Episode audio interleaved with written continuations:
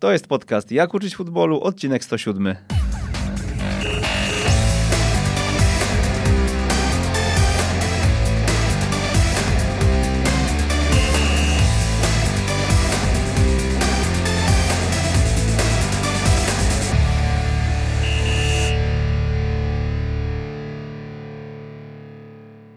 Jak uczyć futbolu, odcinek 107. Przemysław Mamczak przy mikrofonie i stało się, niestety stało się, wróciliśmy do szafy, do magicznej szafy, z której e, łączymy się z trenerami z całego świata. Mówię niestety, bo mm, pewnie fajnie nam się za chwilkę będzie rozmawiało, ale e, wolimy się spotykać, e, spotykać po prostu fizycznie i, e, i, i osobiście, ale niestety mm, no, w obecnych czasach znów nie jest to możliwe. Znów wracamy do tego, co działo się w marcu, kwietniu.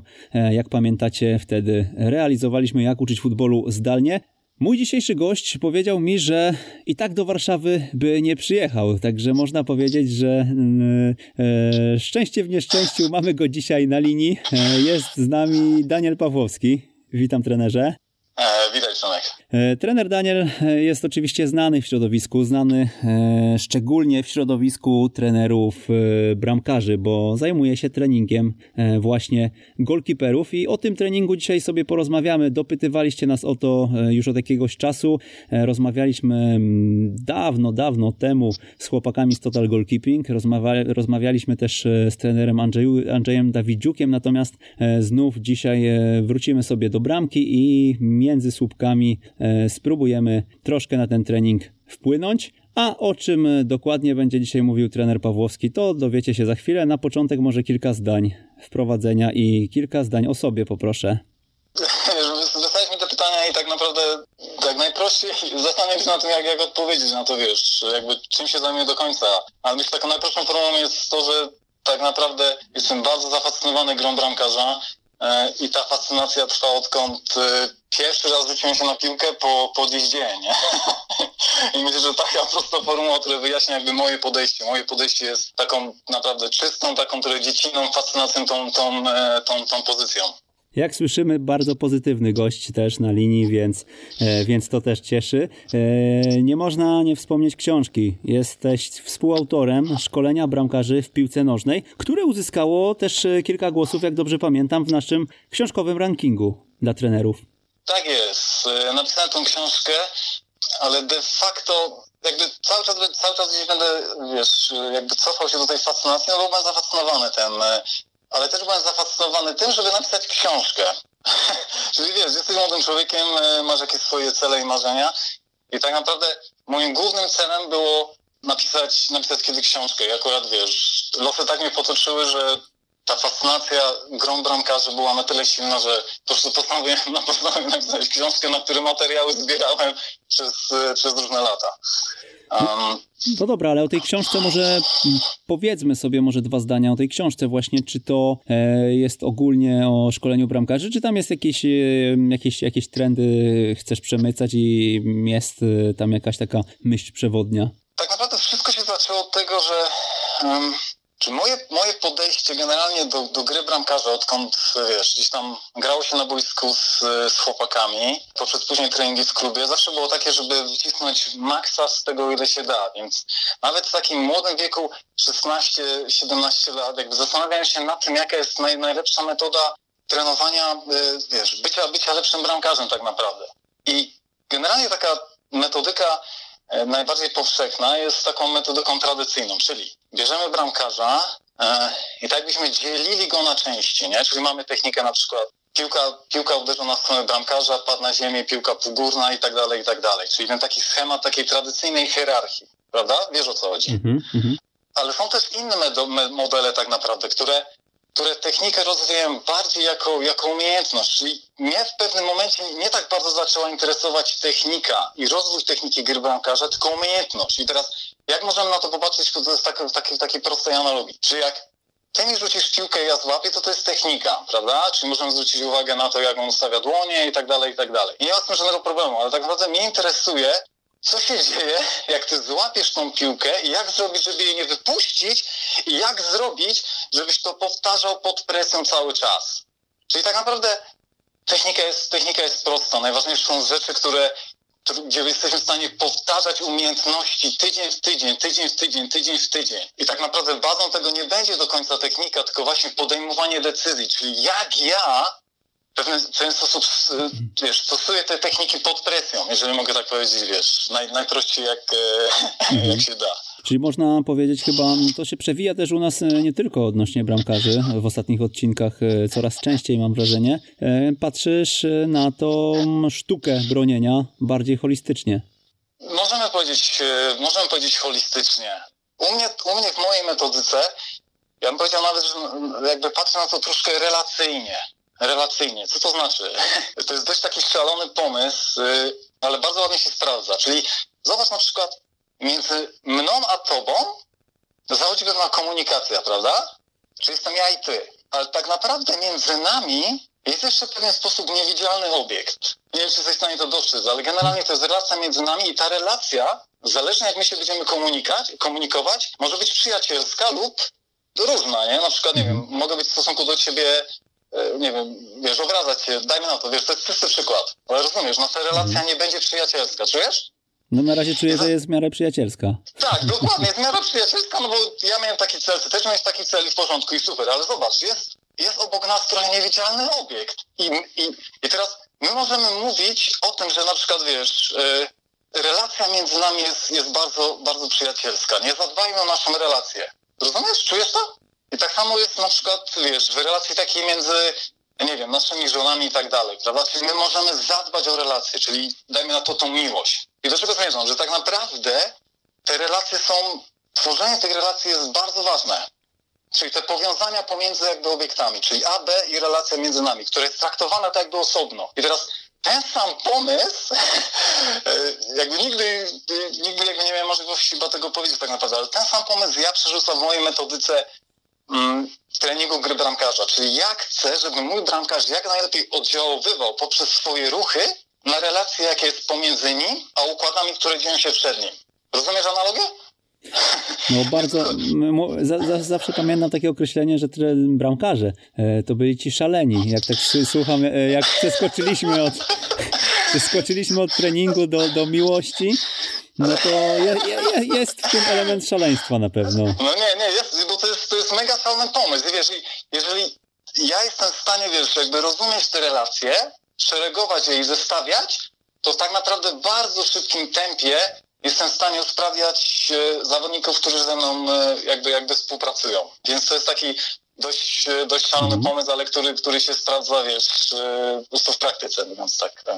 No dobra, Daniel, to przełóżmy to na boisko, bo mówimy o tym niewidzialnym obiekcie. E, jak byś to w języku boiskowym, w języku piłkarskim e, nam, nam określił? E, mamy tego bramkarza, mamy e, pewnie napastnika, który mm, nie wiem, czy uderza na bramkę, czy, czy po prostu gdzieś tam się szykuje za chwilkę do strzału. E, i, I gdzie są te niewidzialne obiekty? E, w którym miejscu? Niewidzialny obiekt to może być przestrzeń albo nawet czas, nie? I teraz mhm. ja swoimi ruchami mogę oddziaływać na przestrzeń, która jest pomiędzy tobą a mną. Czyli wyobraźmy sobie, ty jesteś przeciwnikiem, ja jestem bramkarzem, między nami jest przestrzeń. I teraz tak samo jak moje decyzje oddziałują na ciebie, tak samo twoje decyzje oddziałują na mnie. I teraz ja chcę wygrać ten pojedynek, więc e, moje pozycje startowe w relacji do ciebie muszą być bardzo dobre. Mhm. Czyli tak naprawdę interesują mnie najbardziej takie punkty w tej, w tych relacji, gdzie moje decyzje będą najlepiej oddziaływać na ciebie po to, żeby być skutecznym. Czyli, czyli wtedy jakby ja rozumiem, że jest coś takiego jak relacja jak robić, żeby moje decyzje były jak najbardziej, e, jak najbardziej skuteczne. Czyli podobnie w komunikacji, zobacz, jak ja mam się komunikować z tobą, żebym się jak najlepiej, e, żebyśmy jak najlepiej zbudowali, nie wiem, dobrą relację, jak się z tobą porozumiewać, czyli bardzo tak prosto. Czyli jak robić, żeby bramkarz jak najlepiej rozumiał to, co się dzieje się przed nim, y, to, co dzieje się przed nim, żeby się tak porozumiewał z układem, który jest przed nim, żeby był jak najbardziej skuteczny. Mhm. No ja się zastanawiam, jak to e, w takim razie przekładasz na trening, bo to jest dla nas najistotniejsze i na pewno sobie będziemy dzisiaj o tym dyskutowali.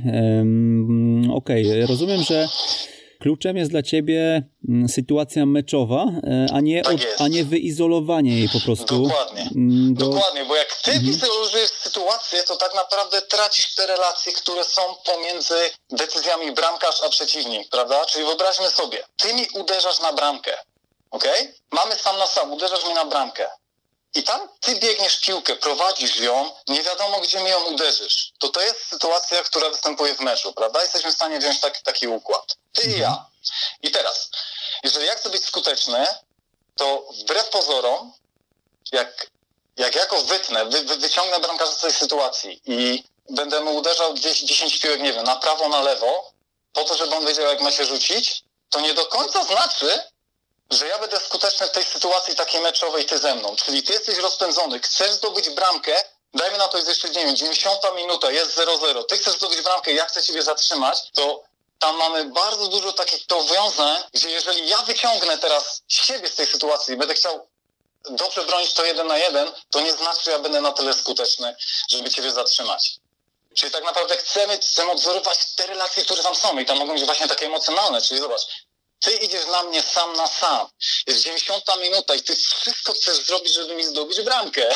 Więc to jest, jest zupełnie inna sytuacja, niż jeżeli ja wezmę bramkarza i wiesz, my gdzieś tam na boku, wiesz, pouderzamy sobie, ja dam ci tam na 10 prawo i na 10 lewo, nie? Musimy, musimy jak najlepiej odzorować te relacje, które są właśnie pomiędzy, pomiędzy bramkarzem a, a układami. Układami, mhm. które się rozgrywają przed, przed, przed bramkarzem to, co powiedziałeś, jak najlepiej jest chyba tutaj kluczem, bo mm, no ja zawsze jestem zdania, że sytuację meczową możesz odwzorować tylko i wyłącznie meczem e, i nawet e, okrojona gra, tak jak powiedziałeś, akcja jeden na jeden, no to ona jest w pewien sposób, mm, ma aspekty naturalne, ale też e, w pewien sposób nie jest naturalna, bo ten zawodnik, który idzie w akcji sam na sam na bramkarza, nie ma presji obrońcy, może nie wiem, odbić do boku mocno, dobiec do linii końcowej, zawinąć, wrócić i to, to już nie jest, nie ma nic wspólnego z meczem, Dokładnie. prawda? Ale zobacz, co jeszcze jest ciekawego, że to jeden na jeden, to tam będzie bardzo ważne, jak bramkarz, y, gdzie jest ustawiony w tej relacji, zanim ty otrzymasz piłkę. Zobacz, dajmy na to, wjeżdżasz tam na sam, ale środkowy pomocnik y, podaje ci piłkę. No to mhm. jeżeli bramkarz zareaguje dopiero jak ty przyjmiesz piłkę, to ja już jestem stratny w relacji. Mhm. Czyli ja, ja tak naprawdę nieprawidłowo zareagowałem, nieprawidłowo zrozumiałem, jakie decyzje mam podjąć, zanim ty otrzymasz piłkę. Bo tam są, tam są bardzo ważne rzeczy. No i to jest, y, to jest mega, mega ciekawe, mega fascynujące. No nie przypadkiem e, TDB, czyli trening decyzji bramkarza, to twój projekt, prawda? Tak, to jest mój projekt, bo ja po prostu, wiesz, y, myślę, że mogę, mogę o tym powiedzieć tak z taką pewnością, no bo jakby tego typu treningi decyzyjne stosuję od lat i one mi się po prostu bardzo ładnie, bardzo ładnie mi się, mi się, mi się sprawdziły. I może to tak zabrzmi, wiesz, mało skromnie, ale na przykład chłopaki z Rybnika, to jest bardzo ciekawy, to jest bardzo ciekawy przykład. Ostatnio gdzieś rozmawiałem, znaczy ktoś mnie pytał o to, bo mamy, mamy chłopaków w drugiej lidze, ja spędziłem w Rybniku 4 lata. I zobacz, mamy bramkarzy, którzy przeszli przez pewien system, zanim trafili do Rybnika. Czyli tam był Daniel Kaiser, który przeszedł przez klub ekstraklasowy Górnik Zabrze i okej, okay, nie przyjął się, poszedł do Rybnika druga liga. To samo było z Patrykiem Porockiem, przeszedł przez system Górnika Zabrze, ale nie, okej, okay, nie przyjął się, zrezygnowali z niego i on teraz do mnie przychodzi, dobra, biorę go. Kasper Rossa przeszedł też system e, Jagiellonia Białystok klasa, nie sprawdził się, poszedł do trzeciej ligi, ja go z trzeciej ligi wziąłem do Rybnika i teraz każdy z tych chłopaków poszedł do lepszego klubu. Czyli Daniel Kaiser poszedł e, z Rybnika do Botewa, Patryk Procek poszedł do, e, do Achnas na Cyprze, no i mhm. Kasper Rossa poszedł do pierwszej ligi w Odrze. Czyli tak naprawdę oni przeszli przez pewien system metodologii treningu, który tych chłopaków sprowadził do miejsca, gdzie się znaleźli, czyli druga liga. No i taki Daniel Kaiser, e, którego pozdrawiam, pozdrawiam wszystkich moich e, e, chłopaków, z którymi współpracuję i współpracowałem. Czyli on, on przychodzi do Rybnika, spędza tam 6 lat, już planuje iść praktycznie na, na kopalnię. Ja, Okej, okay, ja przychodzę i zestawiam, przedstawiam mu nową nadzieję. Nową nadzieję i mówię mu spokojnie, popracuj, będzie 5 minut, nauczy cię umiejętności, będziesz miał swoje 5 minut, wykorzystaj to, pójdziesz dalej. No i tak naprawdę ten sam proces, czy nie tylko jakby wtedy będzie nas taka metodologia treningu, tylko jak ja jakby komunikuję też swoją metodologię treningu, prawda? Mhm. Jakie nadzieje daję, daję zawodnikom, bo można być, wiesz, bardzo dobrym metodycznie trenerem, ale jeżeli zawodnik, wiesz, y, jakby nie kupi się tak naprawdę, no to, no to będą problemy, ale każdy z tych chłopaków, to, to jest dla mnie mega fascynujące na takim poziomie, drugiej ligi, gdzie de facto już, wiesz, to byli doświadczeni zawodnicy, którzy już przeszli przez pewne systemy, udało się, że są w stanie, wiesz, zrobić krok do przodu i grać na, grać na e, fajnym poziomie. Więc to jest fajne. I jeszcze jeden akurat, przepraszam, jeszcze dorzucę, jeszcze, e, jeszcze był Aleksander Łubik, to był czwarty bramkarz, którego też, e, który jest bardzo dobry, ale który akurat zderzył się taką ścianą wzrostu, ale, ale mniejsza z tym. Ale generalnie ten taki praktyczny przykład, który pokazuje chłopaków, którzy przeszli przez metodologię treningu właśnie takiego technicznego, kiedy się zetkną z treningiem takim decyzyjnym, to są w stanie zrobić błyskawiczne, błyskawiczną poprawę. No i to jest taki właśnie dość, dość fajny, praktyczny przykład, jak, jak można to robić. A teraz jakby jestem już na takim poziomie, bo to mnie też zawsze fascynowało, w jaki sposób e, tak naprawdę być e, trenerem bramkarzy, który, jest, który nie jest w klubie.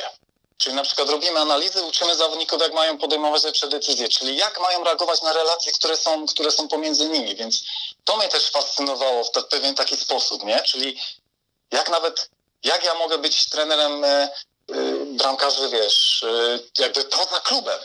Nie, jak uczyć zawodników, żeby podejmowali lepsze decyzje i, praktyka też mi pokazuje, że, że to mi się bardzo ładnie sprawdza, nie? że jestem w stanie uczyć tego samego, co uczyłem tych chłopaków z Rybnika, tylko wiesz, będąc, tak mówiąc, prosto na tarasie, nie? pijąc kawę na przykład i robiąc im analizę meczu, czy też ich edukując, czyli pokazując e, różne fragmenty, różne wideo różnych bramkarzy którzy podejmują dobre i złe decyzje, jak, wiesz, jak podejmować na przykład lepsze decyzje na przykładzie jakichś tam bramek i tak dalej, i tak dalej. No właśnie, bo e, ty poza wspomnianymi e, bramkarzami e, współpracujesz też z jeszcze większymi nazwiskami. Łukasz Fabiański, Duszan Kuciak, dobrze wyczytałem w internecie? Tak, tak, no. Mhm. No, jakie, jakie jeszcze masz nazwiska w swoim CV? Bo to jest, to jest, myślę, chyba coś, co w jakiś sposób weryfikuje Twoją osobę i Twoje trenerskie umiejętności. Znaczy tak, e, ja de facto nie jestem z klubem związanym żadnym tak od ponad y, półtora roku. Mhm. Czy ja tak naprawdę... A dlaczego? Nie, nie, nie chcesz tego robić już? Wiesz, bo tak ci mówiłem, no, zafascynowany jestem tym, że tak naprawdę możesz poza klubem mieć y, innych zawodników. A, a co mnie tak najbardziej zafascynowało, co mnie tak najbardziej fascynowało, to tak naprawdę, że y, przygotowałem rzuty karne dla Kuby Słowika. Nie? Kuba Słowik gra w J-League. Y, mhm. I, I przygotowałem mu karne na, na mecz z Kobe i tam był Iniesta. To było bodajże jakoś y, rok, rok z czymś, y, rok, rok temu, rok z czymś, ale w każdym razie wow. Ja oglądam Iniestę. 2000, to był bodajże 2009 rok. Były takie dwa ciekawe mecze. Na Realu Madryt Barcelona wygrała 6-2 i później, trzy dni później, to było w maju, oni grali na Stamford Bridge. Nie wiem, czy kojarzysz ten mecz i nie Kojarzę. w dogrywce. Kojarzę, oczywiście. No, oczywiście to był przecież... No ta, takich klasyków to trudno, trudno to zapomnieć. Oczywiście, to są klasyki. Słuchaj, no ja oglądam ten mecz tak samo jestem zafascynowany iluzjonistą, chcę piłkarz. I po jakimś czasie ja przygotowuję rzuty karne dla Kuby Słowika, gdzie gra Iniesta, więc będąc no nie miałbym szans tego robić y, tak naprawdę w jakimkolwiek klubie w Polsce, no bo gdzie spotkamy się z takimi, wiesz, z takimi wielkimi piłkarzami, to jest wielki piłkarz. Więc to było dla mnie takie, wow, to chcę robić, nie? I to samo mówię też moim bramkarzom. Musisz być tak dobry, żebyś grał w La, w La Liga, bo ja chcę robić ci karne przeciwko najlepszym zawodnikom. Ja chcę, żebyś ty bronił tego karnego, bo to po części jest tak, jak ja bym obronił ten karny, tak naprawdę mówiąc e, tak, e, e tak prosto. Więc, więc sorry chłopaki, ja, tak naprawdę chodzi, chodzi o to, żebyście bronili te karne, bo ja się czuję wtedy tak, jak ja bym bronił tego karnego. No dobra, ale, ale, ale z tymi nie tak pół żartem, pół serio, nie? Pół żartem, pół serio. No jasne, jasne, ale z tymi nie powiedz, no jakby zapakował tak jak z Chelsea, to chyba nie ma rady. Wiesz jak tak naprawdę jak e, popatrzymy sobie na tą bramkę, jak ja bym był wtedy trener, daj, wyobraźmy to sobie, wiesz, i trenuję Petra Czecha jest taka sytuacja, taki układ, taki układ, czyli relacja między bramkarzem a Iniestą jest w pewnym dystansie, to ja bym nie chciał, żeby Petr Czech, mój bramkarz, robił dwa kroki do przodu. Ja bym chciał, żeby on został. Jakby w mojej metodyce, tam gdzie mamy uderzenie z dystansu, traktujemy to jako relację, w której sobie wydłużamy czas na reakcję. Czyli ja bym nie chciał, żeby, żeby tak było. Ja bym nie chciał, żeby, żeby wiesz, żeby Petrzek po prostu zrobił. Ale zobacz, jakie, są, jakie to są przepiękne historie, czyli wiesz, no okej, okay, jakby ta bramka nie wpadła, Petrzek by obronił, nie wiem, doszłoby do, nie, wtedy by przegrali, bo nie, bo było 1-1, tak. E, to Petrzek byłby bohaterem, mamy, mamy zupełnie inną his, mamy zupełnie inną, inną historię, ale generalnie przy tej sytuacji ja bym chciał, że mój bramkarz w tej relacji i nie sta dystans jest, jest bliżej bramki. Czyli ja chcę, żeby mój bramkarz lepiej to rozumiał, a Petrzek tam zrobił e, zrobił coś innego. I właśnie wiesz, jakby tak TDB, moje, moje, moje jakby TDB jest takie trochę poetyckie. Wiem, brzmi to teraz trochę mało profesjonalnie, ale jak chcę, ja marzę o tym, żeby bramkarze, z którymi współpracuję, właśnie zostawali bohaterami, czyli jak zrobić, żeby nie stać i nie szczelił. Jak, y, jakie decyzje podejmować, żebyś, żebyś częściej był właśnie tym książem Paryża. Story, że o tym powiem, nie? ale to też jest takie, to też jest jakby takie moje...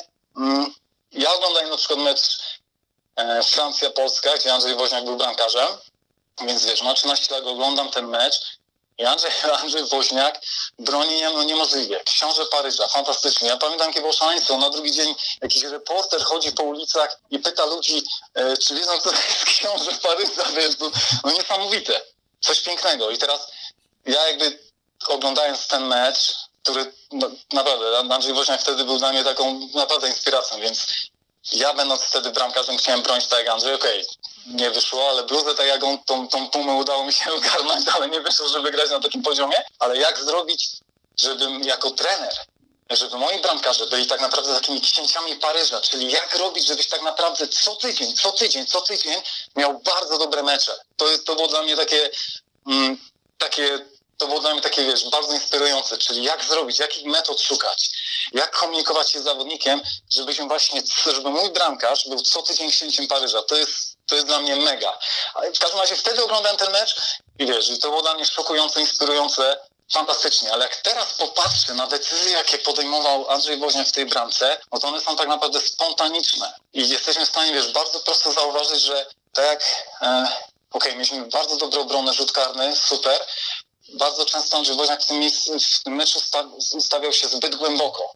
I teraz zadajemy sobie pytanie, czy Andrzej Woźniak w meczu z Anglią, nie wiem, czy kojarzysz bramkę Alana Shearera, mhm. to, to był 96 rok. 96, tak. No. Tak jest. I to w ogóle taka historia tego była, że wiesz, księcia Paryża Andrzej Woźniak stał się żewrakiem Londynu, ale w każdym razie, jeżeli sobie porównamy decyzje, to on w meczu z Francją, pomimo tego, że miał bardzo dobrą obronę, to tam ustawiał się głęboko, czyli jakby nie miał informacji pomiędzy, y, wiesz, jakby pomiędzy meczami, czyli te decyzje do końca nie były takie, jakbyśmy chcieli, pomimo tego, że były obrony. I później przechodzimy z Agniem i on tam po prostu jest ustawiony zbyt głęboko, czyli jakby jego pozycja startowa do układu, do relacji, jaka jest między nim a zawodnikiem z piłką, Davidem Beckhamem, a Shearerem jest zbyt głęboka i on teraz wychodzi i nie zdąża.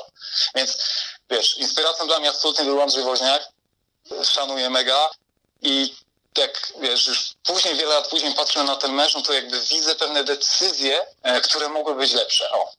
Mhm. No dobra, rozumiem, że poszedłeś teraz w stronę takiej bardzo analizy, prawda? Mm, na w jednym ze swoich wideoblogów e, powiedziałeś, że w treningu bramkarskim dominuje zbytnia izolacja, to znaczy bramkarza odcina się od tego, co najważniejsze, czyli od podejmowania decyzji i bramkarz wie z góry, gdzie trafi piłka, gdzie zostanie dośrodkowana. O tym sobie już powiedzieliśmy, ale powiedz, czy analiza też w pewien sposób nie jest takim wyizolowaniem pewnych nie. specyficznych? Znaczy to jest, to jest tylko nazwa. To jest tylko nazwa. Wiesz, dla ułatwienia od...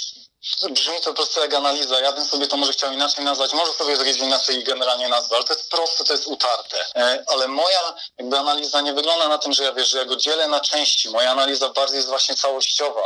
Czy ja zwracam uwagę na to, jakie decyzje ma bramkarz podejmować e, właśnie w danych układach. Czyli mnie do końca nie interesuje, wiesz, czy on pójdzie, czy on na przykład są takie debaty, czy to jest ta ręka bramkarza ma iść długa, czy wiesz, e, tak na przykład wybicie piłki e, w okienko, prawda? Czyli wiesz, mamy bramkarz, bramkarz się rzuca i mamy rozmowę, czy to ma być prawa ręka, czy lewa, ale to, to, to do niczego nie prowadzi tak naprawdę, bo to będzie zależne to, czy on to wykona, to tak naprawdę będzie zależeć od tego, gdzie on jest ustawiony i ile on ma, ile on ma tak naprawdę czasu na reakcję. Czyli może być tak, że wiesz, że jest zasłonięty i w pewnym momencie, kiedy się przemieszcza jego środek ciężkości, to jak jego segmenty ciała się układają, jest mu łatwiej obronić piłkę lewą ręką, co pomimo na przykład, nie wiem, podręcznika jest, jest, jest nieskuteczne. Generalnie musimy Mówisz, zmierzyć... ale mówisz o tym, e, że strzał jest w lewą stronę bramki z perspektywy bramkarza.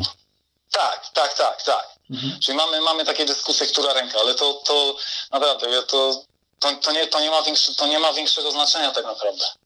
No to chyba widziałem też na twoim kanale YouTube'owym właśnie porównanie Szczęsnego z Courtois, zdaje się, prawda? Właśnie w tym aspekcie. A, tak jest, tak jest, ale chcesz widzieć jeszcze zwrócić uwagę na przykład, yy, dajmy też inny przykład, yy, na przykład, yy, okej, okay, Radek Majecki z Górnikiem Zabrze, nie wiem, czy kojarzysz takie uderzenie Jimeneza. No to już gorzej. Okej, okay, w każdym razie Radek jest ustawiony bodajże na szóstym metrze, uderzenie jest jakoś chyba z 30. Uderzenie jest de facto w środek, e, jakby w środek tam, gdzie, tam, gdzie Radek stoi, a ta piłka przychodzi mu przez nogi i wpada do bramki. I teraz analiza takiej sytuacji, taka standardowa, tradycyjna jest taka, że wiesz, że on tam nie domknął nogi, albo y, że ręce muszą szybciej iść w stronę piłki i tak dalej, i tak dalej. Ale to nie jest rozwiązanie, to nie jest rozwiązanie problemu, to nie jest diagnoza, bo diagnoza jest, gdzie on ma być ustawiony w relacji do tego układu jeżeli jego pozycja jest zbyt wysoka, tym samym on ma mniej czasu na reakcję i tym samym ma mniej czasu, żeby koordynacyjnie tak ustawić segmenty ciała, żeby tą piłkę zatrzymać. Rozumiesz? Czyli tam wystarczyło, żeby on był 3 metry niżej i on to łapie. Czujesz, czujesz subtelną różnicę? Mhm. To, to czyli jakby moje, moje analizy wyglądają w ten sposób, że mnie tak naprawdę najbardziej interesują pozycje startowe pozycje startowe i tymi pozycjami startowymi jesteśmy w stanie błyskawicznie poprawiać e, jakość gry bramkarza. No dobra, powiedz, y, wielu trenerów, y, którzy nas słuchają, y, pewnie ma dużo krótszy staż niż ty, jeżeli chodzi o obserwację gry bramkarzy, bo to też w głównej mierze na obserwacji pewnie się wiele, e, wiele, wiele e, można zbudować. Ty zresztą opowiadasz tutaj o, o Woźniaku czy o Czechu, no ale ja to pamiętam z, zupełnie innej perspektywy i nie zwracałem uwagi totalnie na to, e, gdzie ci bramkarze wtedy stali. Natomiast powiedz właśnie, jak, jakie rady byś dał trenerom bramkarzy bramkarzy odnośnie analizy? Masz jakiś taki schemat, wobec którego mm, krok po kroku sobie analizujesz taką grę bramkarza i określone sytuacje? Masz jakiś podział może no, tego? Nie, no oczywiście, wiesz, no, najważniejszy jest model, czyli, czyli na, mówiąc tak prościej, jak my chcemy, jak my chcemy, żeby ten bramkarz bronił. Czyli w moim modelu, okej, okay, jest Andrzej Woźniak, książę Paryża, czyli w moim modelu, jak chcę, żeby książę Paryża, wiesz, taka, taka skuteczność. E, Y, taka skuteczność obroń, gdzie wiesz, nawet w trudnych sytuacjach bronisz, to ja chcę mieć to co tydzień, co tydzień. No i teraz zastanawiamy, zastanawiamy się w bardzo prosty sposób, nie? Po prostu zadajemy sobie pytanie, no dobrze, jak to zrobić, nie? No to okej, okay. no to w moim modelu przez wszystkie lata doszedłem do wniosku, że tak naprawdę odpowiedź, gdzie jest najważniejsza, czyli gdzie ma być ustawiony bramkarz w danym momencie. I na co warto zwrócić uwagę? Czyli warto zwrócić uwagę na relacje, które są między bramkarzem a rzeczami, które dzieją się przed nią. Gra jest najlepszym nauczycielem tak naprawdę. Gra jest najlepszym, najlepszym nauczycielem, bo decyzje y, bramkarze będą uzależnione od tego, co się dzieje. Czyli to tak, jak tak, czyli to tak, tak, tak naprawdę, to tak jak my zaczynaliśmy w pewien sposób doświadczać gry. Zobacz, jak, jak, jak doświadczamy gry, to na początku nie ma, nie ma żadnego trenera, który nam każe robić, nie? My wychodzimy po prostu i gramy. Jakby gra jest, gra jest dla nas najlepszym nauczycielem, więc jakikolwiek model chcemy zbudować, to musimy zacząć od, od gry, zadawać sobie pytanie, co się tam dzieje wewnątrz gry, żeby nasz bramkarz był e, skuteczniejszy. No a to patrząc z perspektywy modelu e, i też jakiegoś wpływu na ten model z mm, perspektywy zespołu, no to jak właśnie mm, podchodzisz do tej analizy indywidualnej, bo mówisz o zawodnikach, których prowadzisz e, z różnych klubów. No wiem, że to zespół, ja jeszcze raz powiem, to, to, to jest, bo tak brzmi, tak jakby, wiesz, takim może wysokim, może zbyt wysokim poziomem z siebie, ale zespół i taktyka, w jakim grasz, nie ma tak naprawdę większego znaczenia, bo gra ma gra ma jakby te same, te same relacje, czyli jest przeciwnik, który chce zdobyć bramkę. E, mamy pewne strefy, mamy pewne wydarzenia w meczu, które się powtarzają cały czas. Cały czas. One są inne, one się powtarzają cały czas. Czyli mówiąc tak elementarnie, nie? mamy uderzenie na bramkę, e, mamy dośrodkowanie. W TDB mówimy bardziej o połączeniach, czyli nie mówimy o dośrodkowaniu, tylko mówimy o połączeniu danej strefy. Czyli na przykład mówimy, że połączenie strefy dośrodkowań ze strefą centralną. No i jak bramkarz ma się zachowywać w takiej sytuacji, jeżeli mamy właśnie połączenie tych stref. Więc jeżeli w meczu de facto mamy pewne powtarzalne wydarzenia, to jesteśmy w stanie takie decyzje podejmować, które dają nam największe prawdopodobieństwo skutecznych zachowań. Po prostu. Czyli nieważne, nieważne, y, nieważne jest y, tak naprawdę taktyka, w jakiej, w jakiej grasz, nie? Bo rzeczy, rzeczy, rzeczy dla bramkarza będą się powtarzać. Rzeczy dla bramkarza będą, będą się powtarzać niezależnie od taktyki. Na koniec dnia chcemy tak zrobić, żeby e, bramka, żeby, żeby piłka nie wpadła do, do sieci. No dobra, Daniel, to powiedz, jak to teraz y, ma się do treningu. Y, jakie są podstawowe zasady dla ciebie, jeżeli chodzi o trening i y, czego koniecznie nie robić, Twoim zdaniem, dzisiaj w treningach to, to, bramkarskich? To, to, to, zróbmy, zróbmy taki prosty przykład. Grasz, grałeś kiedyś w badmintona? Zdarzało mi się. Kojarzymy, nie? Jest, no jest szybka gra generalnie. Nawet, nawet jeszcze w szybszą ostatnio grałem, w Speedmintona, nie wiem czy miałeś okazję. Są, są, cięż, są, są, cięższe, są cięższe lotki, ale e, zasady podobne. No, no. Całkiem, całkiem przyjemne przyspieszenie. Znaczy, muszę to sprawdzić, e, ale być może e, jeżeli chodzi o badmintona, to podobnie będzie w tym speedmintonie. Dwa scenariusze, dwa scenariusze. Chcemy nauczyć w badmintonie. Chcemy nauczyć zawodnika, który jest w stanie uderzać lotkę y, tak jakby górą, prawda? Albo dołem. Widzisz to? Czyli, czyli mam, chcemy nauczyć zawodnika tej techniki. Góra albo dół. Ok? I teraz mamy tak naprawdę dwa rozwiązania. Albo staniemy z boku i powiemy zawodnikowi, co ma robić, jak ma się zachowywać ręka, jak, jak, jaki, ma być, jaki ma być wymach, jaki ma być zamach, prawda? A drugi scenariusz jest taki, że my oznaczamy pole w ten sposób, że tak jakbyśmy wydłużali, czyli mamy siatkę i wydłużamy pole. Widzisz to? Mhm. I teraz gramy. Po prostu jest zwykła gra. I zobacz, że to jak żeśmy zaprojektowali samo ćwiczenie powoduje to, że zawodnik się uczy czego? No, trudno mi to określić, powiem szczerze, bo nie do końca łapię analogię. No to okej, okay, no, to, no to jeszcze raz, zobacz, mamy siatkę mhm. i ustawiamy, ustawiamy, tego, ustawiamy dwóch zawodników za siatką, ale teraz mhm. pole jakie robimy, to je wydłużamy, czyli robimy linię y, poziomą do góry 4 metry. Czyli możesz, możesz po prostu mocniej uderzyć, tak? Znaczy, gra tylko na tym polega, że ty uderzasz albo górą, albo dołem. Widzisz mhm. to? No bo tak, tak żeśmy zawęzili pole. Mhm. Widzisz to? Okej, okay. okej, okay, okej. Okay. Czyli ustawiamy jeden na jeden. Mówimy, że po prostu gracie do, do 10 Dobra, punktów. czyli nie chodzi ci tutaj stricte o uderzenie e, tej, tej, tej, lotki, tylko e, bardziej chodzi o to, żeby po prostu nie manewrować na boki. Do, dokładnie, dokładnie. I zobacz, sama projekcja tego ćwiczenia spowodowała to, że oni sami zaczną grać albo górą, albo dołem. Widzisz to? No bo tak żeśmy zawęzili pole. No i, no i zobacz, my, my de facto niewiele żeśmy powiedzieli o technice, jaka ma być. Czyli myśmy tak zaprojektowali ćwiczenie, że zawodnik jakby uczy się tego. I teraz co się dzieje pięknego, że te rzeczy są badane, te rzeczy są badane, czyli taka metodyka treningu, która jest bardziej nieliniowa, mówimy o nieliniowej pedagogice, gdzie właśnie my projektujemy tak ćwiczenie, że samo ćwiczenie uczy zawodnika. A z drugiej strony mamy tradycyjne podejście, gdzie mówimy, gdzie ma być ręka, gdzie ma być noga i tak dalej, i tak dalej. Ja nie twierdzę, że to jest złe, ja nie twierdzę, że to jest złe, ale badania pokazują, że po prostu szybciej i lepiej zawodnicy się uczą, kiedy tak naprawdę oni nie wiedzą, że się uczą, oni nie wiedzą, że podejmują decyzje. Inny przykład. Ok, ucz, uczymy zawodnika prowadzenia piłki, prawda? Mhm. I dwa scenariusze. Zobacz, jeden jest taki treningi, które, które widziałem. Rzucamy y, na przykład białe e, znaczniki na, e, na, na boisko i dajemy tyczki. I teraz mówimy zawodnikowi, że masz tak prowadzić piłkę, żeby piłka nie dotykała białego znacznika, a jak widzisz tyczkę, to masz ominąć. Widzisz to? Mhm. I mamy taki trening. I uczymy zawodnika prowadzenia piłki. My jesteśmy spokój i mówimy piłka blisko nogi i tak dalej, i tak dalej. Drugi scenariusz jest taki. Ten sam temat. Prowadzenie piłki. Ten sam temat. Tylko in, in, in, inaczej zaprojektowane ćwiczenie. Mamy kwadrat, tak jak wcześniej mieliśmy kwadrat, tylko mamy kwadrat, w którym nie dajemy żadnych znaczników i robimy po prostu berka. I celem, celem gry jest, żeby przez 15 sekund jeden zawodnik, prowadząc piłkę i ten drugi tak samo prowadzi piłkę, było jak najwięcej dotknięć.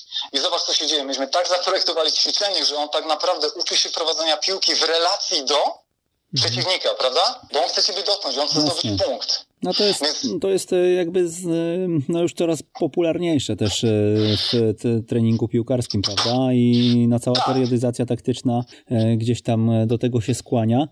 No tak zawsze, zawsze ten trening bramkarski był trochę bardziej chyba wyizolowany jednak, nie? Dokładnie, dokładnie. A ja te rzeczy jakby zacząłem widzieć dawno temu i dlatego jakby zacząłem to zmieniać. Ale ta, ta metodyka nieliniowa jest jakby teraz coraz bardziej stosowana, nie? Czyli nie wiem, czy widzieć na przykład rzut z drona na boiska Manchester City, nie? To tam jest, tam te boiska są po prostu pocięte, mają różne linie. Widziałeś, widziałeś, nie wiem, czy to widziałeś. Nie, no to znaczy jakieś tam przebitki widziałem, ale, ale nie, pewnie nie związane z bramkarzami. E, a inaczej, ja widziałeś e, może ten wywiad z Tuchelem, jak mówi, że boisko nie jest prostokątne, tylko heksagonalne? Mhm, mhm, to tak.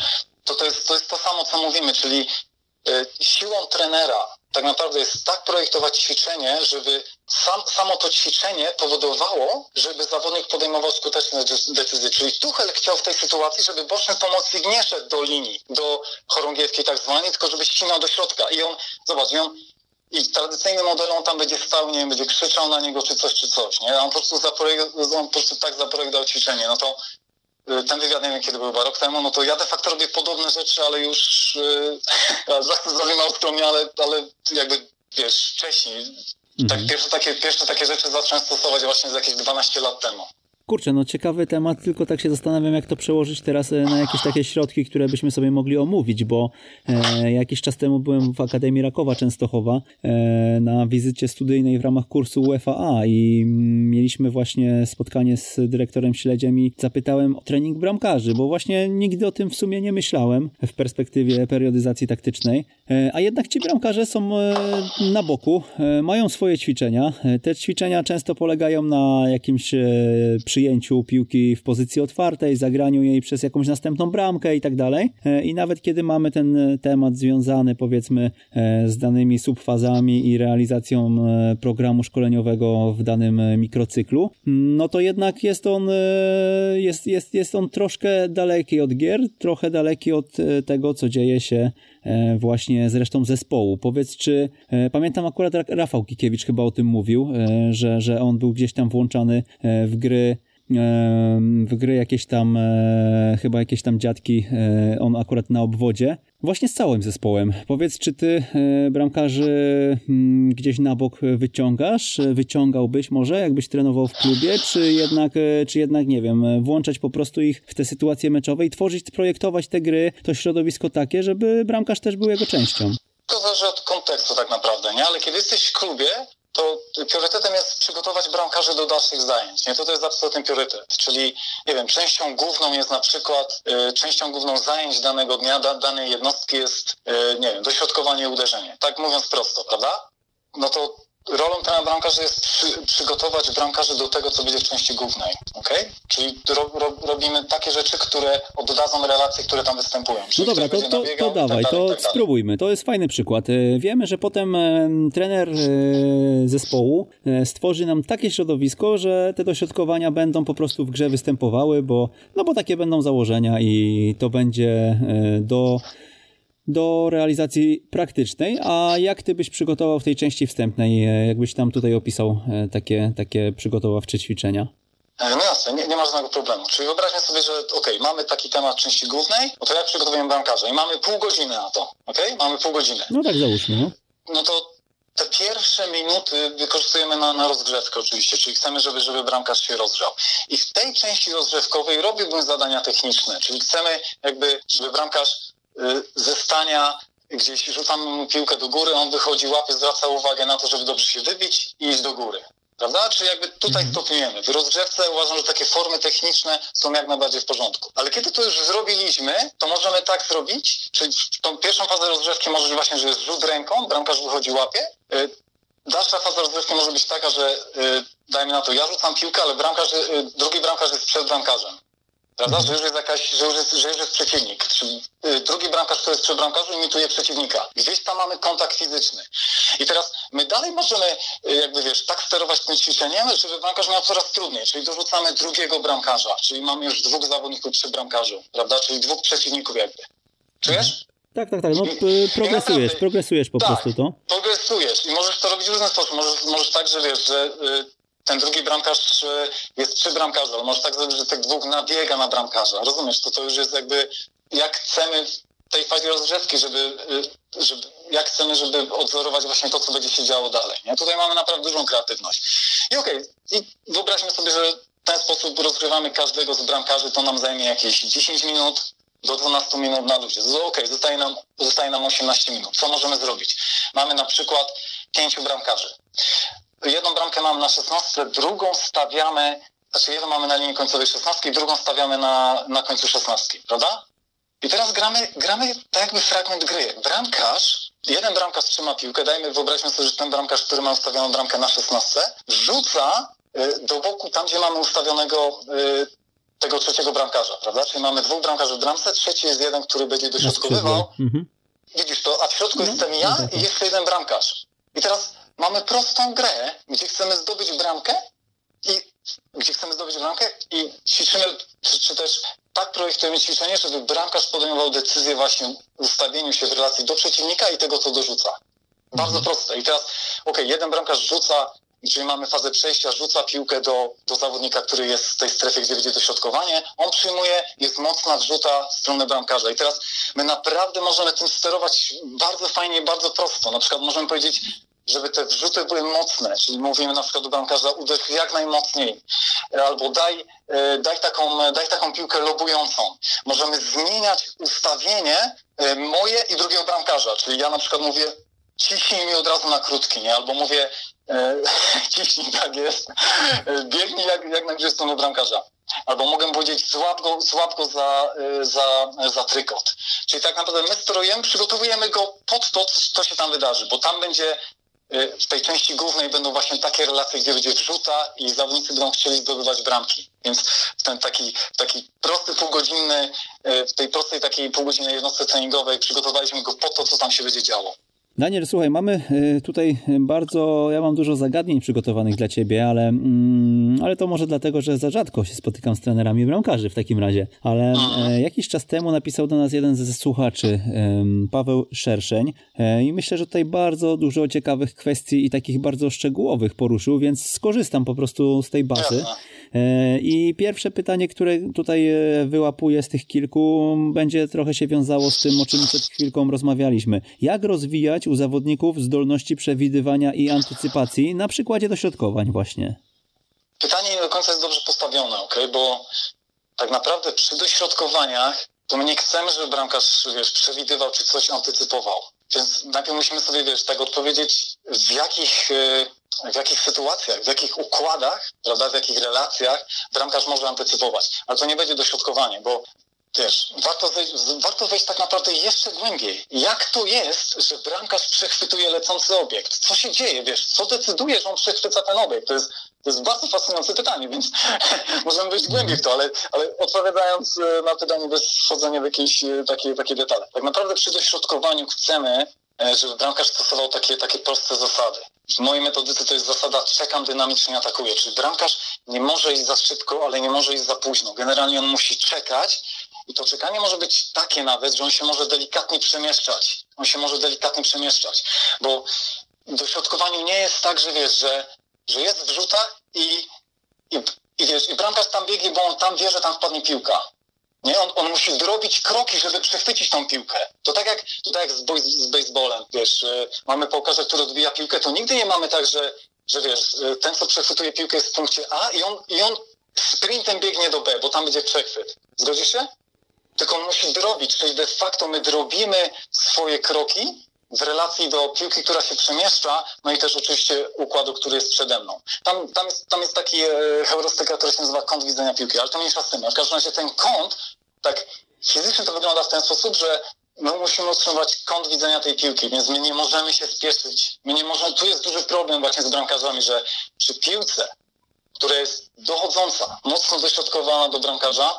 Być może widziałeś takie bramki, teraz co mam przed głową, to mam bramkę Courtois z Ajaxem, to był rzut wolny i dostał, dostał, dostał uderzenie w stronę bramki, tylko on za szybko poszedł do przodu, czyli on tak jakby właśnie antycypował, a nie powinien tego robić. Kojarzysz to? Tak, tak, tak. Y, I przeszła nad nim po prostu do tego. Dokładnie, przeszła nad nim, ale, ale zobacz, o kim mówimy, nie? Courtois najlepszy bramkarz świata i popełnia naprawdę taki, taki prosty błąd, więc mhm. przy dośrodkowaniach wręcz przeciwnie, nie możemy, nie możemy nic antycypować. My możemy, najważniejsze przy dośrodkowaniach jest, to, tak jak mówiłem od początku, najważniejsze dla bramkarza są pozycje startowe.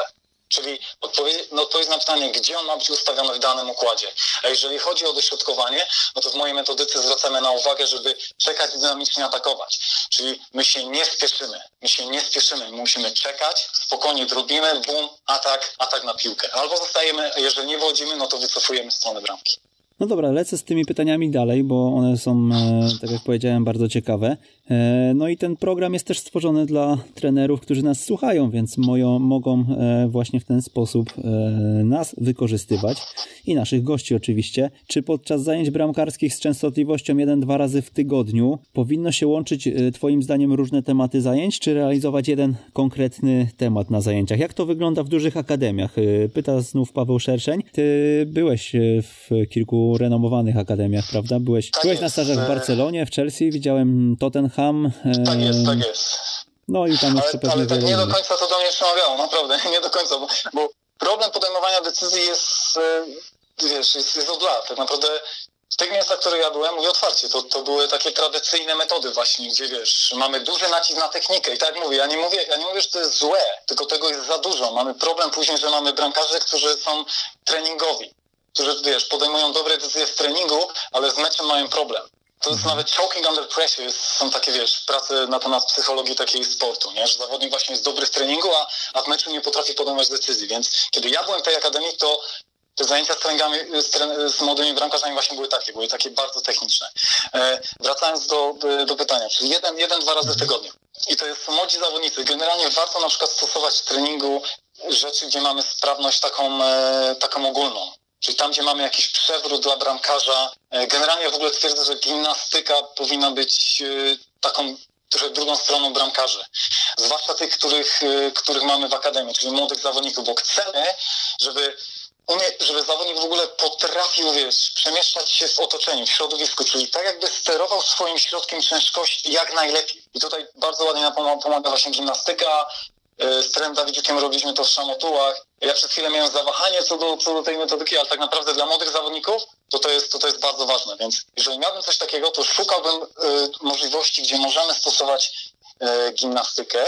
Jeżeli nie mamy to na rozgrzewce, wplaca, wplatajmy elementy gimnastyki, a później już w części y, głównej, dajmy na to tych bramkarzy nie łączymy dalej, tylko zostajemy, zostajemy razem, no to trzymamy się tematu jaki, jaki żeśmy opracowali, prawda? Czyli dajmy na to, że mhm. chcemy ćwiczyć podanie i przyjęcie. No to projektujemy takie, ta, takie, takie zajęcia, które, y, które będą to zawierały. Chcemy ćwiczyć, y, chcemy ćwiczyć y, uderzenia z bliskiej albo dalszej odległości. No to ja uważam, że jakby cały trening znaczy cały trening, ta, ta główna, główna część treningu właśnie była poświęcona na, na te tematy, które, które chcemy rozwijać. Zgodnie, moim zdaniem, już tak Ci mówię, z, z, zgodnie z, z pedagogą nie? czyli projektujemy takie ćwiczenia, żeby zawodnik jakby naturalnie się uczył, naturalnie się uczył. Jak kształtować prawidłowe nawyki bramkarskie, aby przełożyć ćwiczone zagadnienia na sytuację meczową, na przykładzie pozycji gotów? E, I Paweł znowu pisze, moi zawodnicy nie mają problemu z przyjęciem pozycji gotów w ćwiczeniach bramkarskich, jednak gdy dochodzi do sytuacji meczowych, to przyjmują złą pozycję, która wynika z dawnych przyzwyczajeń. Wiesz co, to okej, okay, to, to by trzeba zobaczyć o co chodzi, ale właśnie być może tak jest, zobacz, e, nie wiemy do końca, nie? ale być może tak jest, że widzisz, w treningu mamy proste ćwiczenia, proste, proste y, jakieś ćwiczenia techniczne, gdzie zwracamy uwagę na pozycję gotów, ale w meczu, bo rozumiem, że chodzi o y, pozycje, które gdzieś y, jakby trener trenuje te pozycje, ale później mhm. jest problem, tak? No, tak wygląda, tak. Tak, nie wiemy, gdzie konkretnie występuje ten problem, ale, ale być może to jest mecz. No to no to zobacz, to, to jest taki typowy, jeżeli to jest prawda, ja nie wiem, ale Czyli trenujemy pr proste, y, proste techniczne ćwiczenie pozycji gotów, ale nie ćwiczymy umiejętności, czyli tak jak mówiłem, wiesz, technika chwyt piłki, a złap piłkę, nie wypuść, zrób to pod presją, to jest coś innego. To jest, to jest umiejętność, więc my tak naprawdę musimy ćwiczyć umiejętności. Więc jak wygląda ten, ten, ten trening? Czy tak naprawdę właśnie odwzorujemy tą dynamikę, która jest w meczu? Bo być może tak jest w tej sytuacji, że okej, okay, ćwiczymy pozycję gotów, wszystko fajnie, ale w meczu zawodnicy tego nie robią. Dlaczego? Bo w meczu na przykład jest, y, jest pewna pozycja startowa, gdzie bramkarz musi wycofać się. Rozumiesz? Albo zrobić, albo zrobić krok do boku, mhm. albo, albo iść do przodu. I teraz on steruje swoim środkiem ciężkości, ale to już jakby może zaburzać całą technikę i następuje uderzenie i on na przykład robi jakieś, jakieś dziwne rzeczy. Ale problem gdzie może być w tym, że na przykład w treningu cały czas ćwiczenie jest tylko stacjonarne. Czyli my na przykład ro, y, robimy dużo ćwiczeń, że on stoi, gdzie on się nie, nie przemieszcza. Czujesz różnicę? Mhm, czyli rozumiem, że Pawłowi doradziłbyś, żeby po prostu e, środowisko stworzył bardziej, bardziej tak. związane z grą i z tymi sytuacjami naturalnymi, okay. tak? Tak jest, bo do końca nie wiemy, co tam, co tam, co, y, jaki, jest, jaki jest y, do końca problem, czy wiesz, gdzie on, gdzie on się dzieje tak naprawdę, ale y, czy chcemy obserwować, czy na przykład w tej pozycji gotów, na co warto zwrócić uwagę, żeby on się gdzieś przemieszczał. I to nie musi być hop. To może być na przykład coś takiego, że my, wiesz, ja, dajmy na to, mamy tego bramkarza w bramce ok? I ja z tobą, ok? Jesteś moim, e, jesteś moim asystentem. I mamy tego bramkarza, którego chcemy, żeby była pozycja gotów e, lepsza. I mhm. my jesteśmy przed nim ustawieni jakieś 5 metrów. Wystarczy, że my sobie A powiedzmy podajemy... jeszcze, powiedzmy, bo nie no. wszyscy, no. nie wszyscy trenują bramkarzy. Pozycja gotów to e, jest pozycja, ja myślę, że wiem, o którą chodzi. Natomiast jak, jakie są jej, nie wiem, takie kilka punktów, które muszą zostać spełnione, żeby to była pozycja gotów? Cóż, jak sama, jak sama nazwa wskazuje, nie? Czyli jesteś gotów do, gotów do, gotów do, y, albo padł Czyli na nogi, piłkę. No, nogi ugięte, tak? Tak, generalnie to nawet nie musimy, nawet nie musimy wiele mówić na temat tej pozycji, bo wystarczy samo to, że jeżeli bramkarz być skuteczny, to on musi ugiąć te kolana, bo, e, no bo jeżeli on ruszy ze sztywnym nóg, no to będzie, będzie miał po prostu problemy, nie? Ale jak właśnie możemy ćwiczyć tą pozycję gotów w taki bardzo fajny, prosty sposób? Czyli zobacz, ma, ustawiamy go w bramce, ja teraz jestem z tobą i my normalnie, e, wiesz, rzucamy piłkę między sobą. Ja to, wiesz, rzucam tymi. Mhm. I w pewnym momencie, na przykład jest uderzenie głową na bramkę, albo w pewnym momencie yy, yy, rzucasz mi piłkę, ja przyjmuję klatką piersiową, ale przyjmuję ją w stronę bramkarza. I zadaniem bramkarza jest zrobić krok do przodu i złapać ją. Czujesz to? Czyli to, jest, czyli to nie jest takie tradycyjne, że wiesz, że mamy kolejkę bramkarzy przy słupku, wchodzi jeden i, i trener tam uderzy wolejem trzy razy na chwyt, czy tam cztery. Czujesz różnicę?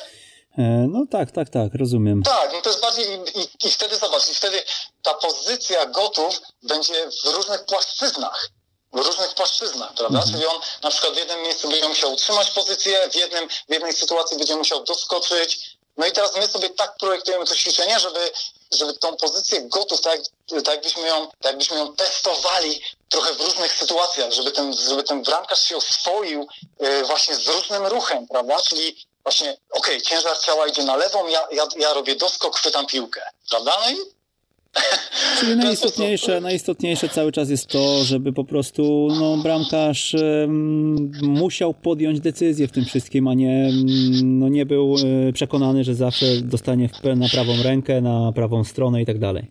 Tak jest, tak jest, ale to nie no tak mówię, to nie znaczy, że to jest złe. Może być taki moment, że wiesz, że my tego bramkarza tam weźmiemy, bo będziemy miał na przykład taką potrzebę. Ale generalnie jestem uważam, ja jestem zdania, że te formy techniczne powinny być mniej, aniżeli takich właśnie decyzyjnych, gdzie zawodnik właśnie podejmuje decyzje w relacji do, czyli tam, gdzie mamy te umiejętności, niekoniecznie techniki, prawda? Tam, gdzie mamy umiejętności, czyli regularnie powtarzamy pewne decyzje pod presją. Czyli jest ktoś, kto chce szczelić i tak dalej, i tak dalej. Czy bramkarz powinien wykonywać naskok? Jeśli tak, to jaki jest odpowiedni moment wykonania naskoku? E, często zauważamy w meczach, że bramkarz wykonuje naskok. Naskok e, jest e, często po strzale, a bramkarz może wykonać interwencję dopiero w momencie, gdy jego obie nogi będą na ziemi. Wiesz co, tak naprawdę ja nawet sam to badałem, bo to, bo to jest bardzo fascynujący temat. Dlaczego niektórzy bramkarze dlaczego, dlaczego tego nie robią, nie? My możemy naprawdę biomechanicznie go zmierzyć, wziąć go na matę, która mierzy moc, wiesz, sprawdzić, w którym momencie on e, po danym skoku generuje większą moc i tak dalej. My możemy w to wnikać, ale tak naprawdę świat bramkarzy jest bardzo różnorodny.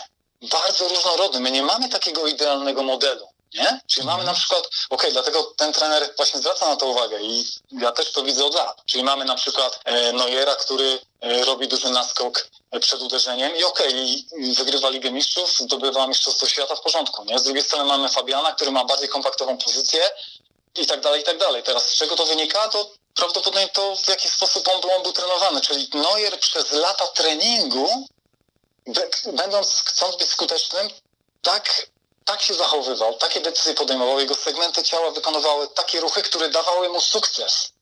Czujesz? I teraz, czy to jest złe?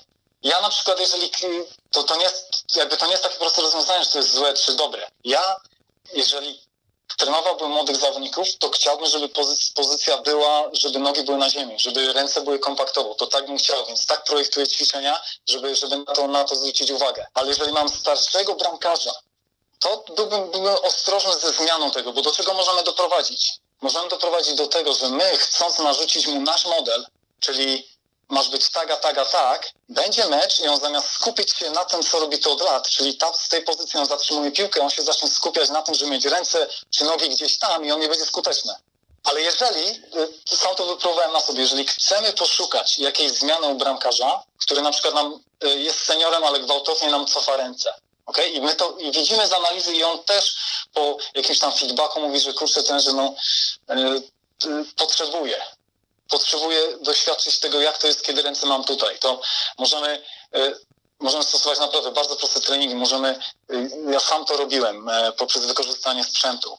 Czyli możemy w ten sposób robić kajdanki przed bramkarzem, gumowe, gumowe. I wiesz, on normalnie w grze treningowej, czy też w jakiejś, w jakiejś, w jakiejś jednostce treningowej tak pracuje, że te ręce ma cały czas przed sobą.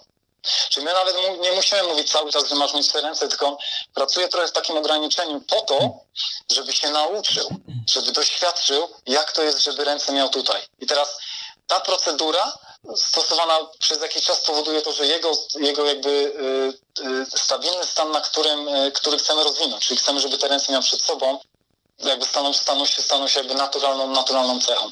Czyli rozumiem, że tutaj w tym wszystkim, e, tak jak mówisz, tak jak mówisz, ten element każdego specyficznego zawodnika, e, takiego indywidualizmu, też, e, też na to zwracasz uwagę i dla ciebie jest najistotniejszym osiągnięcie celu, a nie jakieś tam wzorce, tak?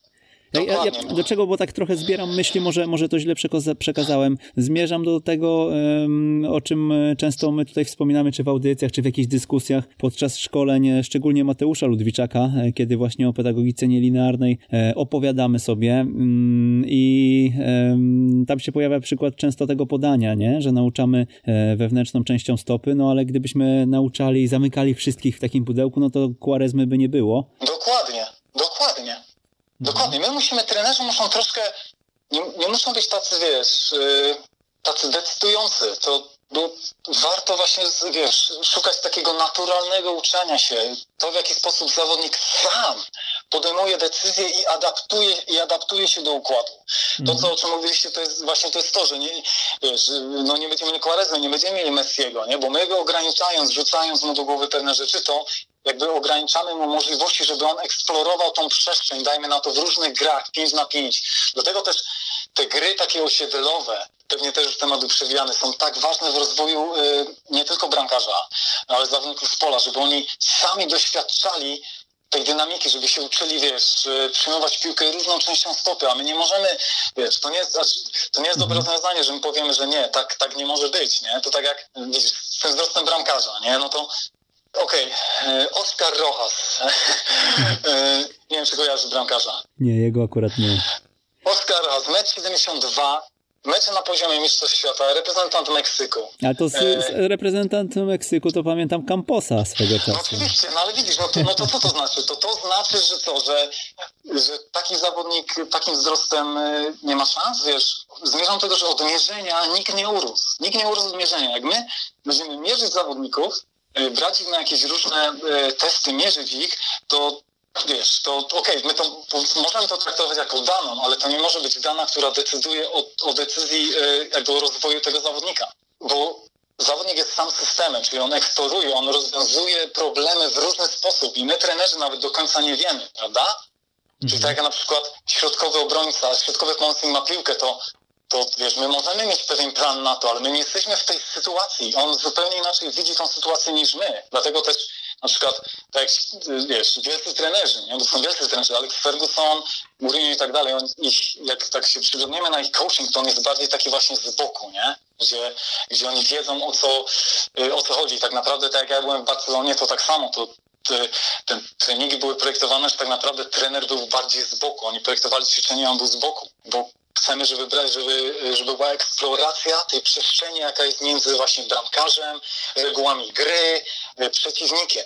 Czyli z tym wzrostem bramkarza, jakby moim zdaniem musimy być e, ostrożni. moim zdaniem nie ma granicy, nie ma, nie ma, nie ma, nie ma, takiej, nie ma takiej granicy. Jedyna granica, jaka jest, to takie ograniczenia społeczno-kulturowe, nie? Czyli my mówimy, że nie, że w tej kulturze, w naszej gry, ten bramkarz nie ma szans. No i, no i dobra, no to nic nie zrobisz, nie? Ale to nie znaczy, że że wiesz, że on nie może grać personalnie w piłkę, nie? On może być na przykład, nie wiem, jechać do Francji czy e, do Meksyku, nie będziemy szaleć, nie tam wyobraź sobie, że wiesz, do Meksyku na testy, ale zmierzam do tego, że wiesz, Hiszpania, oni, oni, oni tak, oni tak nie, nie mierzą, nie, nie, nie wiesz, nie ma jakiegoś takiego szansa, że wiesz, masz mieć 1,88 m i jak masz 1,87 m, to cię nie bierzemy, nie?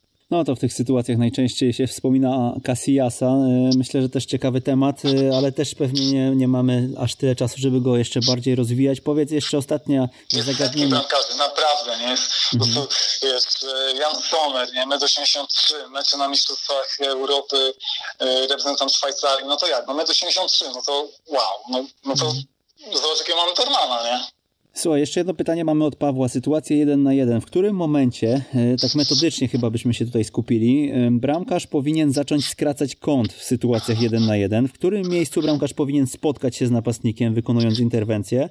I w jaki sposób powinien skracać kąt w momencie, gdy napastnik prowadzi piłkę krótko przy nodze? Okej, okay, widzisz, y, jakby tak same pytania Pawła, jak tak zastanowimy, nie? Przepraszam Paweł z góry, ale pytania są właśnie takie jakby wyjęte z kontekstu. No jasne, konkretne po prostu chodzi mu pewnie o jakieś wskazówki z twojej perspektywy. Tak jest, tylko że tak naprawdę pytanie przy jeden na jeden będziemy zadawać, gdzie on ma być ustawiony, e, kiedy jest moment zagrania. Więc ja w ogóle w takie jeden na jeden to, w jaki sposób on ma skracać, to nie, jest, to nie jest podstawą. Podstawą jest gdzie. Czyli my musimy projektować takie ćwiczenia, żebyśmy zwracali uwagę na podstawę gdzie. Czujesz? Mhm. Czyli musimy, musimy tak naprawdę troszkę szukać innych pytań, troszkę z innej strony zadawać pytania, jeśli chodzi o, o w ogóle o piłkę nożną, mówiąc tak globalnie, ale generalnie, ale generalnie. Okej, okay, mamy jeden na jeden, czyli co nas interesuje? Pozycja startowa. I z tym jeden na jeden mamy bardzo interesującą dynamikę, mega interesującą dynamikę, bo my chcemy swoimi ruchami, swoimi decyzjami tak jakby zmniejszyć bramkę, a zawodnik z piłką chce mieć ją jak największą. My w pewnym momencie się spotkamy, nie wiemy gdzie, prawda? Nie wiemy, gdzie się spotkamy. No i teraz bardzo dużo, y, widzę to na YouTubie i też mam y, trenerów bramkarzy, którzy ćwiczą bardzo dużo bloków, bloków, prawda? Czyli, że, że, że ten bramkarz jest blisko przeciwnika. Widziałeś takie treningi? Mhm. Bloki, cały czas bloki, bum, bum, bum, bum, bum, ale no nie damy rady. My nie damy rady stosować cały czas bloku. Blok jest tylko jednym z jednych możliwości na, na, tej, na tej dynamice, na tej relacji pomiędzy mną a przeciwnikiem. Czujesz? My cały czas mówimy tu o akcjach sam na sam, tak? Tak, cały, no odpowiadam na to pytanie. No Czyli tak, tak. de facto my na tym, na tym dystansie pomiędzy y, bramkarzem a przeciwnikiem, zależnie jaki będzie dystans, tam będzie, tam będzie inny ruch, inna decyzja, inna umiejętność. To tak jak to jest z boksem, czyli jak wiesz, mamy, mamy dwóch bokserów, zależnie jaki jest dystans, to tam będzie inny ruch. Czyli na przykład jeżeli dwa metry dzielą e, bokserów, no to podwórkowy nie będzie działał. Czujesz? No bo jak? On jest dwa metry ode mnie, to nie ma sensu. Podobnie jest z dystansem, z tą relacją, jaka jest między bramkarzem a przeciwnikiem. Więc wiesz, jakby blok będzie zależny, jaki będzie dystans. No i teraz my musimy tak ćwiczyć bramkarza, tak organizować treningi, żeby on potrafił podejmować decyzje zależnie jaki tam będzie ten dystans. Więc nie mamy do końca takiego pytania, wiesz, nie mamy takiej, takiej bezpośredniej odpowiedzi, czy on ma robić to, a to. On ma podejmować skuteczne decyzje zależnie, zależnie jaka jest relacja pomiędzy nim, pomiędzy bramkarzem a przeciwnikiem. No myślę, że fajnie tutaj odpowiedziałeś, chociaż tak jak mówimy, tutaj bardzo dużo e, jest tego zależy e, i no i tutaj pewnie gdyby Paweł był z nami na linii, to moglibyśmy sobie szerzej podyskutować, ale to myślę, że by nie starczyło nam odcinka. E, Oczywiście, zobacz, jeszcze przepraszam, jeszcze wiesz, to jeden na jeden może być w różnych strefach e, pola karnego, prawda? Czy w niektórych strefach on nie musi w ogóle skracać, on może utrzymać pozycję. Dajmy na to, mhm. wiesz, to jeden na jeden jest ze środka, prawda? wiesz, masz go tak w świece bramki, mhm. a to samo jeden na jeden. Ten sam dystans, dajmy na to, jest 12 metrów nas dzieli, ale ten sam dystans, tylko wtedy mówimy w bocznej strefie, to my tam praktycznie w ogóle nie będziemy mieli jeden na jeden. Fascynujące fascynujące, tak jak mówisz. Pawłowi dziękujemy serdecznie. No tutaj pa Paweł, Paweł pokazał, że też e, nie zawsze, bo my częściej uruchamiamy możliwość zadawania pytań e, w social mediach około, około wtorku, środy przed e, audycją, natomiast Paweł trochę wyszedł przed szereg i przesłał mi te, te treści mailem, więc jeśli macie ochotę, możecie również to zrobić. Czekamy na takie maile, a dla mnie to był bodziec, bo to też nie jest mail z wczoraj, tylko już trochę czasu gdzieś mi tam wisiał. Był to dla mnie bodziec, żeby w końcu końcu o treningu bramkarskim e, pogadać. Powiedz Daniel, mm, może tak, wspomnijmy o prezencie, bo, bo e, już nam niewiele czasu zostało niestety, ale e, przygotowałeś dla naszych słuchaczy analizę, prawda? Opowiedz o niej. Tak, czyli ta analiza, tak mówisz, to, to do końca nie słowa, ale czasem. W jaki sposób Alison może usprawnić otwieranie i budowanie gry? Mhm. Bo z tym, jest, z tym jest tak naprawdę dość duży problem. Czyli w sensie w ogóle z byciem najlepszym bramkarzem świata, bo Alisson jest najlepszym bramkarzem świata, ale jak jakby mówiąc na stronie, jak ja biorę bramkarzy pod ten taki jak swój mikroskop i patrzę, jakie oni decyzje podejmują, no to najlepsi bramkarze na świecie mogli podejmować zdecydowanie lepsze decyzje. No i w przypadku Alisona, pomimo tego, że y, gdzieś tam y, Liverpool w swojej strukturze, przynajmniej z tego, co oglądamy, wydaje się, że chcą właśnie budować y, akcję od tyłu, to moim zdaniem on tam, on tam mógłby podejmować zdecydowanie lepsze decyzje. No super, na pewno będzie to ciekawie przeczytać e, i nawet e, ja chętnie się skuszę. E, analiza mm, w postaci mm, pewnie opisowej części, ale też, mm, ale też w jakiś sposób popartej zdjęciami, rzutami screenami z meczów. Taką analizę od Daniela możecie otrzymać tradycyjnie w naszym newsletterze. Hmm, jeżeli nie jesteście jeszcze zapisani, ekstratrener.pl ukośnik newsletter, a jeżeli jesteście, no to w niedzielę, jak zwykle, otrzymacie maila z bezpośrednim linkiem do tego materiału. Powiedz Daniel, skąd e, czerpiesz wiedzę dzisiaj i gdybyś miał poradzić naszym słuchaczom, no właśnie, gdzie e, mają się rozwijać jako trenerzy bramkarzy, bo to jest taki troszkę, troszkę specyficzny fakt, e, fach, ale chyba nie ma zbyt wiele materiałów na ten temat. Tak naprawdę no, nie do końca prawda jest, że, że nie ma materiału. W obecnym czasie mamy materiał. Uważam, że bardziej problem jest jakby z interpretacją tych mhm. materiałów, z interpretacją e, e, wiesz, e, wiedzy, do której masz, masz dostęp. Uważam, że tu jest no tutaj, to dobra, tutaj, to dawaj, to dawaj jakieś serwisy albo książki, co, co, co najlepiej byłoby przeczytać, zobaczyć. E, znaczy, no tak jak mówiłem, czyli ten przykład z badmintonem, nie? Czyli jak dokładnie przebiega taka metodyka, nie? I to generalnie określamy to nieliniową, e, pedagogiką, ale po angielskim to jest constrained, constrained led approach, teaching games for understanding. E, wiem, ja teraz rzucam angielskimi hasłami, bo do końca w Polsce jakby tego nie ma. Tu jest też problem, to nie, fakt. To teoria, problem jest, że... teoria ograniczeń, prawda? O tym. Tak, tak, tak. Teoria, o widzisz, akurat widzisz, to to już powoli, powoli wchodzi. Ja w książce też piszę o tej teorii ograniczeń. To jest piękny model, który nam, no, moim zdaniem, fantastycznie y, pomaga właśnie y, y, trenować zawodników. Więc jakby, no jest, jest ten dostęp, czyli tak jak Tuchel, nie? Czyli skąd w ogóle Tuchel miał ten pomysł? To jest że to się w ogóle wzięło, znaczy u niego przynajmniej, bo on uczył się w Uniwersytecie Mainz. A jest profesor Wolfgang, już teraz nie pamiętam, ale jakby musimy szukać tych ludzi. Musimy po prostu szukać, wiesz, tych ludzi, którzy troszkę inaczej patrzą na, e, na, na, na, na, na piłkę nożną. Moim zdaniem jakby nie warto iść taką utartą ścieżką warto eksplorować tą ścieżkę, tak właśnie ten kwarezma, nie? Zobacz, o czym my mówimy teraz, nie? Czyli tak jak żeście wy rozmawiali, że okej, okay, jak będziemy ćwiczyć tylko wedle nie będziemy mieli kwarezmy, dokładnie. Teraz jak będziemy też, wiesz, ćwiczyć, też szkolić ten w pewien sposób, to nie będziemy mieli Alexa Fergusona, nie? To jest to samo. My musimy szukać, y, wiesz, innych, innych właśnie ścieżek, nie? I unikać, unikać jakichś głupich pomysłów po prostu. No dobra, ale tak trochę, tak trochę zwinnie się wywinąłeś tutaj e, mi z tego pytania, bo, bo bo powiedziałeś, że, że się nie zgadzasz, że te, te źródła są. No ale okej, okay. widzę, że Daniel Pawłowski myśli niesztampowo i powiedzmy, że chciałbym sobie e, tutaj zgłębić, zgłębić to, o czym mówisz, czego nauczasz, czego doświadczyłeś, no ale poza książką żadnych szkoleń nie organizujesz raczej. Znaczy ja osobiście nie organizujesz. Ja, ja robię mhm. szkolenia tylko, tylko dla bramkarzy. Mhm. E, jak, jako takich szkoleń nie organizuję, no bo... No ale jest, jest, jest, jest w Polsce ktoś, kto, nie wiem, e, organizuje jakieś szkolenia, które byś mógł polecić, albo jakaś strona, która opisuje regularnie właśnie trening bramkarski z jakiejś perspektywy takiej, którą warto e, sobie zweryfikować?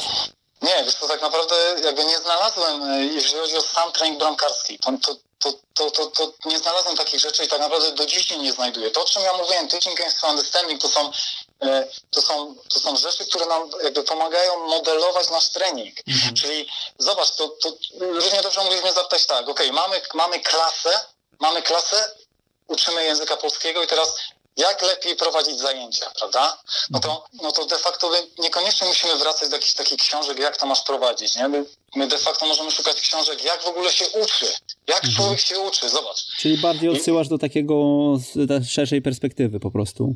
Tak, no ale to musimy zrobić. Zobacz, Przemku, my, jeżeli chcemy mieć lepszą edukację w szkole na przykład, no to my musimy szukać y, właśnie na przykład badań na temat, jak mózg pracuje, nie? No już jakby w takiej edukacji mamy pewne rzeczy, gdzie jest neuro, neurodydaktyka, gdzie pod względem, czyli wiemy na temat, wiemy więcej na temat, jak mózg pracuje, no to jak teraz sprawdzić mózg tego, e, tego ucznia. Czyli, i zobacz, my to samo możemy przerzucić na piłkę nożną, czyli e, czym na przykład jest głębokie przetwarzanie informacji. To te rzeczy są, tylko my musimy to połączyć, czyli trener, który jest młody, chce być lepszym, to jakby on musi szukać i nie, on nie, nie, nie, nie uważam do końca, że on ma szukać rzeczy odnośnie na przykład lepiej prowadzić trening bramkarski, lepiej szukać rzeczy, jak się mózg uczy, jak robić, czy, gdzie informacji szukać, gdzie, y, jakie są najlepsze metody uczenia się. Rozumiesz, a ta, te, te, rzeczy są, te rzeczy są dostępne, absolutnie. Na przykład, jeżeli chodzi o taką edukację wczesną szkolną, mamy bardzo dużo fajnych książek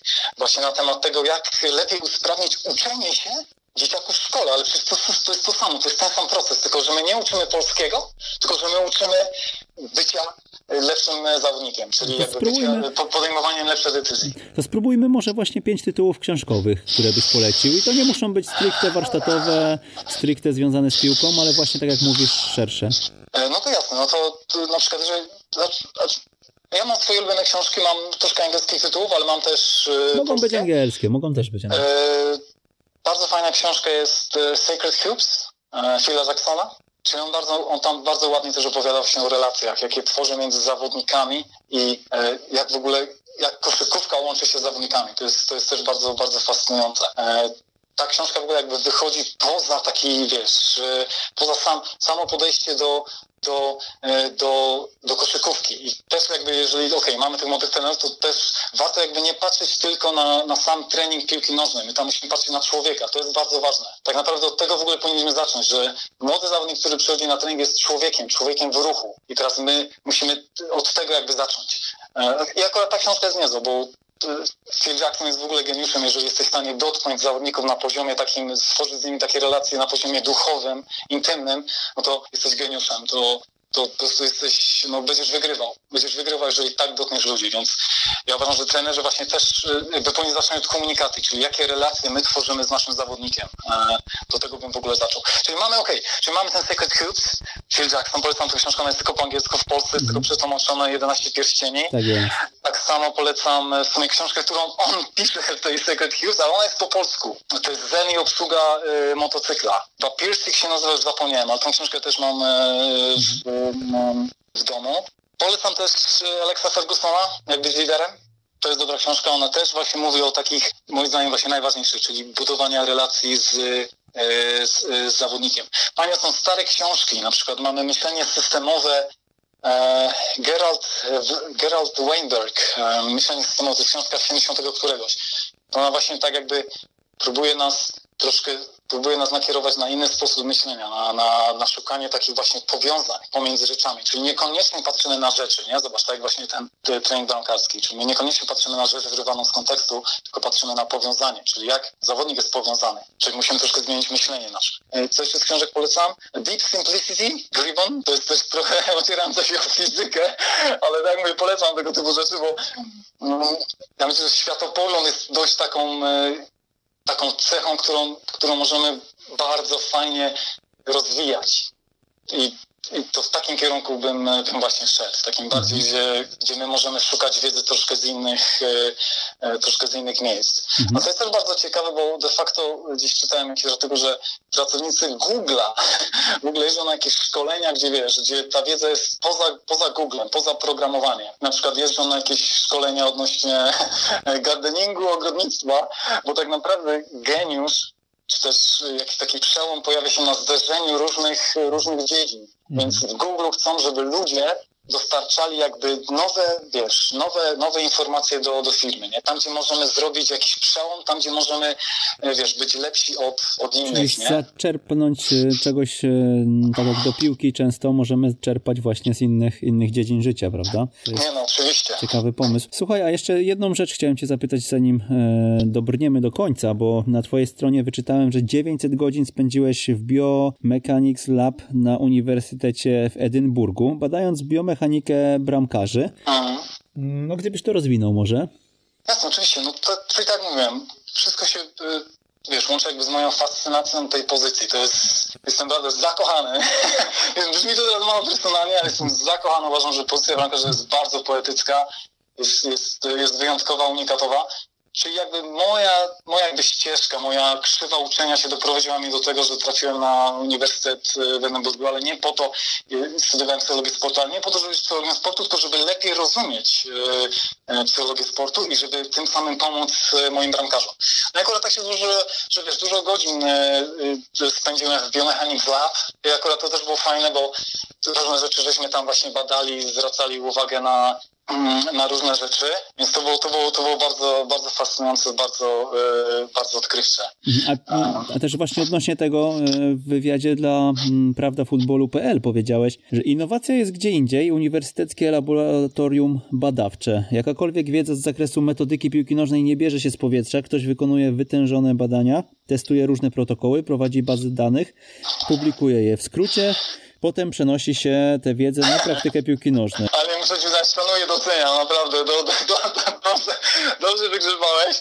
E, e, to genialnie. E, no tak, no, no, no tak to wygląda, bo zobacz. To gdzie, to gdzie ta innowacja właśnie leży? Powiedz nam na koniec naszego e, wywiadu i naszej rozmowy. No bo innowacja tam leży. Tam, wiesz, ludzie, którzy którzy poświęcają czas na to, żeby badać różne rzeczy. Czyli my, trenerzy, nie robimy tego, nie? My nie badamy. Możemy, możemy czuć intuicyjnie, że na przykład jedna metoda, czy też jeden sposób komunikacji jest lepszy od, od, od drugiego, ale nie mamy takiej, takiej obiektywnej wiedzy. A ludzie, którzy właśnie poświęcają ten czas w laboratorium i e, badają pewne aspekty, czyli na przykład rzut karny, nie? Mamy, mamy bardzo dużo naprawdę ośrodków i badań odnośnie rzutu karnego, bo jeżeli chodzi o psychologię sportu, to to jest najlepsze, co może być dla psychologa sportu, gdzie taki pojedynek między bramkarzem a, a przeciwnikiem jest mega intensywny. E, mówimy o takiej już na przykład, wiesz, dużej imprezie, nie? ale nawet na takim poziomie jakimś amatorskim, to to jest taki wyjątkowy pojedynek. Więc to, że my wiemy coś więcej o rzutach karnych, to nie bierze się z kosmosu. Są ludzie, którzy naprawdę to badają i są też zafascynowani tym, e, e, tym, tym działem. Więc Moje, moje podejście właśnie było takie, żeby jak najwięcej dowiedzieć się, co stoi za tym, żeby poprawić skuteczność bramkarza przy rzucie karnym, bo jeżeli, hej, jeżeli statystyka dla bramkarzy jest tak kiepska, globalnie to jest jakieś około 30%, 25%, no to no dobra, no to co zrobić, żeby to było więcej? I, I to jest piękne, to jest fantastyczne, że tak naprawdę mamy dzięki tym ludziom, którzy to badają, mamy informacje, które możemy e, przekazywać e, bramkarzom i oni tym samym niekoniecznie, wiesz, będą bronić 10 karnych, ale obronią ważnego karnego, nie? Obronią mhm. ważnego karnego, nie wiem, w półfinale jakichś mistrzostw, obronią ważnego karnego w 90 minucie. Dadzą sobie więcej szans, czy nie zostawiamy tego w ten sposób, że a, karny to tam machnę ręką, bo, bo nie mamy szans. Nie, nie, nie chcemy tak. Chcemy, chcemy mieć te, te księży, księży Paryża, nie chcemy mieć e, regularnych e, zawodników, którzy są, e, którzy świetnie bronią. Daniel, powiedz, bo zakładam, że jest wśród nas też, wśród naszych słuchaczy parę takich osób, które też kochają trening bramkarski, te pozycje. Co byś im powiedział, co byś im poradził? Żeby się rozwijali w tym fachu, żeby też mogli...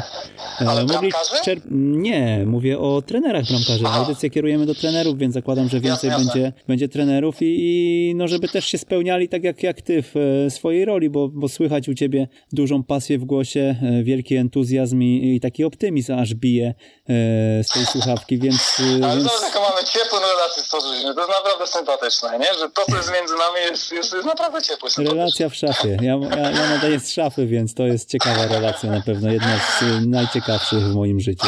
Ale zobacz, nie, nie widzimy się, nie? Zobacz, tak jakbyśmy się już troszkę znali. Nie, nie, nie, nie czujesz tak, masz takie wrażenie? Że wiesz, że moglibyśmy spokojnie siedzieć obok siebie, byśmy, wiesz, pomimo tego, że nigdy się nie poznali, to bylibyśmy tak, wiesz, blisko siebie, nie? Piłka łączy ludzi. Tak jest, to jest, to jest fakt. No. To jakie rady mm, damy tym trenerom, yy, pasjonatom? Ale poczekaj, to to już bo nie było pytania na to? No, rady chyba nie. Chyba nie zdążyłeś odpowiedzieć. Było pytanie. A książki, tak? Proszę? Znaczy książki, nie, nie, nie, nie, nie. Ja pytam o rady dla trenerów, tych, którzy nas słuchają, e, czyli co byś im poradził, żeby, żeby mogli się też spełniać w swojej pracy i w jakim, w jakim kierunku pójść, żeby właśnie mm, no, być trenerem ramkarzy. Okej, no to tak naprawdę sugerowałbym e, jakby szukać wiedzy, ale też podjąć kurs. Y, to też warto o tym powiedzieć. Kurs ten PZP-nowski, na którym sam byłem UEFA. Uważam, to jest dobry początek. Naprawdę. To jest UEFA Uważam, Goalkeeper B, tak? UEFA Goalkeeper B. Jeżeli ktoś ma możliwość, to, to polecam. I naprawdę teraz tak, dla mnie to była nie, dość taka niespodzianka, bo myślałem, że to będzie też taki tradycyjny kurs, gdzie trener Dawidzik będzie opowiadał co i jak, ale było właśnie wręcz odwrotnie. To było y, bardzo dobrze poprowadzone. Y, nie mówię tego tak, żeby tak po prostu powiedzieć. Przychodzi mi łatwo o tym mówić, bo tam było rzucone hasło działanie w małych grupach. E, myśmy sami, wiesz, podejmowali decyzje, więc ten proces uczenia się, który był, który był na kursie, był bardzo dobry. I on przypominał też właśnie to, jakie decyzje ma podejmować bramkarz, czyli wiesz, zostajesz sam i sobie z tym porać, nie? Tutaj były małe grupy, więc tak naprawdę polecam, e, z, z góry polecam e, ten kurs, jeżeli ktoś ma możliwość tam trafić. A na ten moment i szukania tak naprawdę swojej, swojej drogi, nie? Z ilości informacji odrzucać te, które są, które są na przykład kiepskie albo, albo, albo gdzieś tam e, wiesz, po prostu głupie. To z jakim zdaniem chciałbyś zostawić naszych słuchaczy? To już jest ostatnie zdanie, które e, w tym odcinku powiemy. To, to jakby e, moja filozofia. No, ja myślę, że na koniec dnia, wiesz, naprawdę ważne jest, żeby tworzyć dobre relacje z tymi ludźmi, z którymi chcemy tworzyć dobre relacje i być, być szczęśliwym człowiekiem. Brzmi teraz jak jakiś coach, coachingowy guru, ale nie wiem, jestem na takim etapie, gdzie naprawdę, wiesz, jakby spokój. Chcemy, chcemy dawać, uważam, że warto, chcemy dawać ludziom nadzieję. To jest ważne. Jeżeli, okej, okay, jeżeli mamy coś zakończyć, to, to warto to robić jako liderzy, że my tak naprawdę naszym zawodnikom powinniśmy dawać nadzieję. Nadzieję na to, że, że on jest w stanie realizować swoje marzenia. Musimy wszystko zrobić, żeby ten, ten drive, tą jego motywację jakby cały czas, wiesz, cały czas rozwijać, nie tlić tego, ale e, myślę, że to jest to, to faktycznie, jak się tak zastanawiałem troszkę, to, to, to, to uważam, że trenerzy powinni dawać młodym ludziom, ale nawet starszym, nie? Nawet starszym po prostu nadzieję. I z tym zdaniem zakończymy 107 odcinek Jak uczyć futbolu. Daniel Pawłowski, dziękujemy serdecznie. Dzięki również, dziękuję bardzo. I Przemysław Mamczak, ja również dziękuję. Bardzo dużo pozytywnej energii, e, bardzo dynamicznie tutaj nam się porozmawiało, e, ale też myślę, że mm, bardzo, e, bardzo warsztatowo, bo ten odcinek o treningu decyzji bramkarza poświęciliśmy tylko i wyłącznie właśnie tej sztuce związanej z zawodnikiem na pozycji numer jeden. Jeżeli macie jakieś pytania, śmiało piszcie, trzymajcie się e, ciepło, no nie wiem czy ciepło, ale zdrowo na pewno. E, do usłyszenia za tydzień. Postaramy się e, realizować jak uczyć futbolu na bieżąco, chociaż, chociaż warunki są niesprzyjające, no ale liczymy, że uda nam się tę pandemię jak najszybciej przetrawić i wrócić do normalności. Tego Wam wszystkim życzymy, także jeszcze raz do usłyszenia. Tak jest, wszystkiego dobrego. Jeżeli podobał Ci się ten odcinek, mamy do Ciebie prośbę, poinformuj jednego znajomego trenera o tym, że istnieje taki podcast jak Jak uczyć futbolu. To pozwoli nam dotrzeć do znacznie większego grona odbiorców niż obecnie, za co Ci z góry pięknie dziękujemy. Raz jeszcze, do usłyszenia.